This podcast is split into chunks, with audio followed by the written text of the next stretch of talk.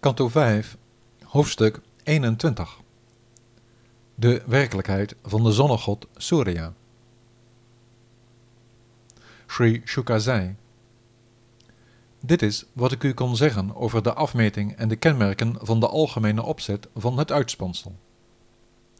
De deskundigen op dit gebied verschaffen aan de hand van dit overzicht uitleg over de afmeting van de hemel, die ze omschrijven als de buitenruimte bestaande uit twee gedeelten, boven en onder, die aaneensluiten als de helften van een tarwekorrel. In het midden bevindt zich de machtigste meester van al de heersende hemellichamen, de brandende zon. Met zijn vuur verwarmt hij de drie werelden en verlicht ze met zijn stralen.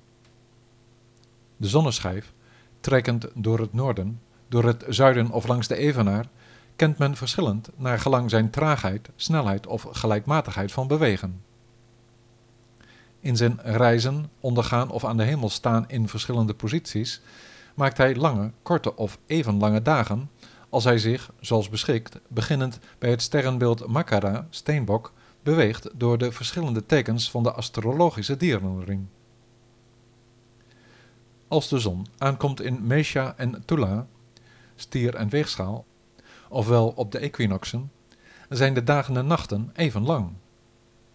Als hij vanaf het sterrenbeeld Vrishaba stier door de volgende vijf tekens gaat, lengen de dagen zich eerst, terwijl de nachten korter worden in stier en tweelingen, en korten ze in de maanden daarop volgend met een half uur per maand, afhankelijk van de breedtegraad. Als hij zich begeeft door de vijf maanden beginnend met Vrishchika, schorpioen, verloopt het lengen en korten van de dagen en nachten omgekeerd. Totdat de zon richting het zuiden gaat, de zes maanden voor de zomerwende, lengen de dagen zich. En totdat hij naar het noorden gaat in de maanden voor de winterwende, lengen zich de nachten. Aldus ronddraaiend in een baan ten opzichte van de Manasotara bergen eromheen, die 95,1 miljoen yojana's lang is, zo stellen de geleerden, treft men ten oosten van Meru Devadani, de stad van koning Indra aan, ten zuiden ervan die van Yamaraj, genaamd Samyamani, in het westen Nimlochani van Varuna en in het noorden die van de maan, genaamd Vibhavari. Aan ieder van de vier zijden van Meru, als het energetische draaipunt, al dus de zonsopkomst, de zonsondergang, de middag of middernacht uitmakend, geeft hij aanleiding tot de verschillende tijden waarop de levende wezens actief zijn of staken met hun activiteiten. Zij die in die plaatsen leven, worden met de zon in de positie van het midden van de dag steeds door hem verwarmd. Hij beweegt zich links om de berg Meru draaiend van het punt waar hij opkomt in het oosten naar het punt in het westen, daar recht tegenover, waar hij weer ondergaat. Als men lokaal de zon niet langer aan de hemel ziet staan omdat hij onder is gegaan, is hij er verantwoordelijk voor dat de mensen gaan slapen, terwijl recht tegenover die positie men erop kan rekenen dat de mensen de zon op hebben zien komen en vanwege zijn hitte moeten zweten. Als de zon zich in 15 Gatika's, 6 uur, beweegt van de verblijfplaats van Indra naar die van Yamaraj, legt hij een afstand af van 23.775.000 yojana's, een kwart van de omtrek. Dan gaat hij verder naar het bereik van Varuna en vandaar naar de plaats van de maan om vervolgens terug te keren naar de plaats van Indra. Daarbij worden tevens de andere planeten en sterren met de maan voorop als reizend en ondergaand aan de hemel waargenomen. Aldus beweegt het voertuig van de zonnegod, dat staat voor de drie Vedische beginselen van vereniging middels karma, jnana en bhakti yoga, zich in 3.400.800 yojana's per muhurta door de vier verblijfplaatsen. Dit voertuig heeft slechts één wiel met twaalf spaken, de maanden, zes segmenten, de seizoenen, en de drie gedeelten van de naaf, de kwartalen, die in hun geheel bekend staan als een zonnejaar, een samvatsara.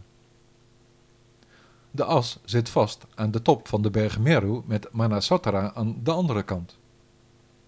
Het wiel van de wagen van de zonnegod, al daar gefixeerd, draait ten opzichte van de bergketen Manasotra rond als het wiel van een oliepers. Aan de basis van die as zit een tweede verankerd die, net als met de as van een oliepers, een kwart zo lang is. De bovenkant daarvan zit vast aan Dhruvaloka, het midden van de sterrenhemel. Het voertuig is van binnen 3,6 miljoen yojanas lang en een kwart van die afstand breed. Het wordt getrokken door zeven paarden vernoemd naar de Vedische versmaten, die, om de zonnegod te vervoeren, door Arunadeva zijn ingespannen aan een dissel zo breed als het voertuig. Ofschoon Aruna, zich kwijtend van zijn taak als wagenmenner, voor de zonnegod zit, kijkt hij naar achteren om geen disrespect te tonen. Aldaar, recht voor de zonnegod, zijn de 60.000 duimgrote wijzen die de Valikilia's worden genoemd, druk bezig hun gebeden welbespraakt te formuleren.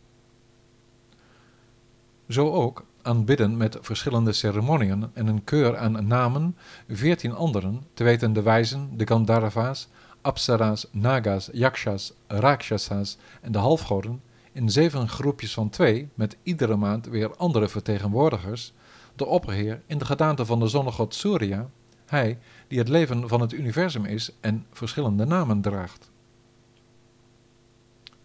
Aldus legt de zonnegod de 95,1 miljoen yojana's van de omtrek van de sfeer van de aarde af met een snelheid van 2000 en een halve yojana in ongeveer een kshana.